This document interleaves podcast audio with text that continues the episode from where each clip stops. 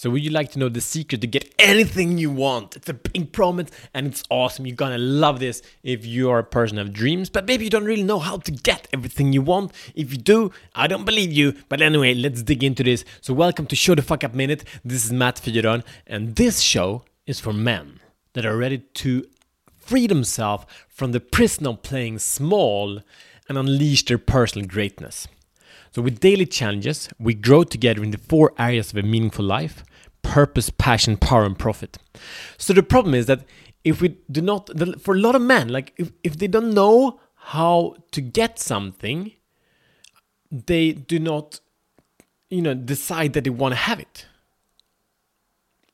So we want to know as men, we know want to know the path, we want to know the strategy, we want to know how will I actually get there. If we don't understand the path that is even possible, we fail to commit. So this holds many, many, many men back from realizing the dreams or even from having dreams at all. And the thing is, if we are getting in there, there is a huge mistake that is happening. And that is whenever we move in any kind of direction, there usually some kind of resistance. And for a lot of people, the process, the resistance creates doubt.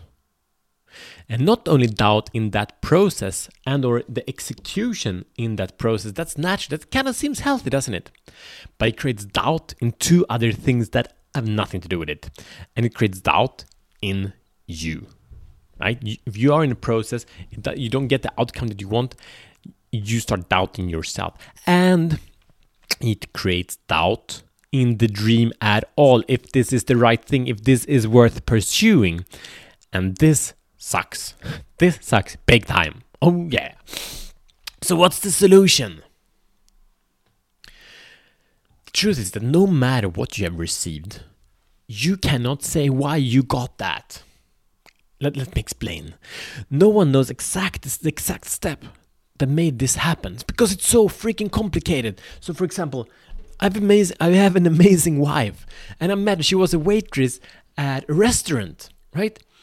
And on the first night, um, the the the kind of kitchen manager he said, "Hey, man." Uh, or like, hey, do you want to come to the staff dinner and hang out with us?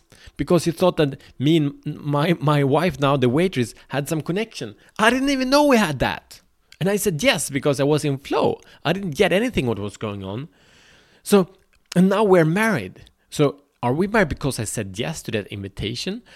Or are we married because my wife was in a certain state because what she had eaten or dr- had had for drinks during that day at work or were did we do that because the chef had listened to a love song and he asked this question or was it because some month later I had a colleague that had moved to London, and I was where, where I met my wife.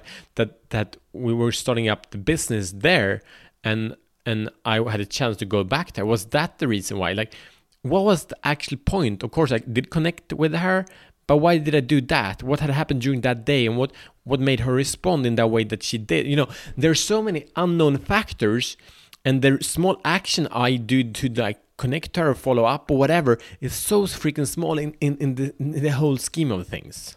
So no one knows. And if that's true, then even if we have a good plan, it's probably not the plan that's going to make it happen. it's quite likely something else. So what we only thing we can do then is that we can create a plan, we can we can create a dream, and we can create a plan. But even though if we are working really hard on this plan, we have to admit that it's it's quite unlikely that the action in this exact plan is going to make it happen because it's this great mystery we can call it in the universe or it's god or in the divine in some way it's gonna work it's gonna work out if we trust this. So here is a huge transformation. I will give it to you in the mission if you choose to accept it. So write up five hairy big audacious dreams not goals dreams or visions that you that really makes you excited makes you pump up that make you like you know that you like yeah yeah that you want to talk to. And when you talk to people people like whoa you seem really excited you know? And then ask for them and you can ask for them kind of like this you can say it as a prayer you can if you if you have faith in in god or in something other form you can say it into the universe to the great mystery, whatever you feel comfortable life.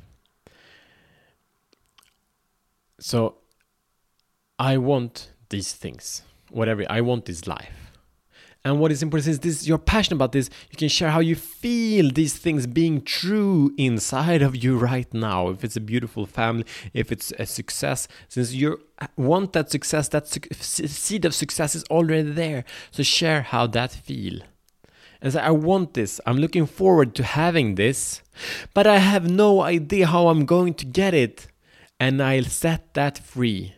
I will do whatever I can to realize this, but I set it free. So even though I work hard, I don't know if it's that work that will make it happen. So I have no idea how this will go, how this dream will turn into manifestation. So I let it go into the great mystery, into the universe, into God, into the divine, and I let them take care of it for me.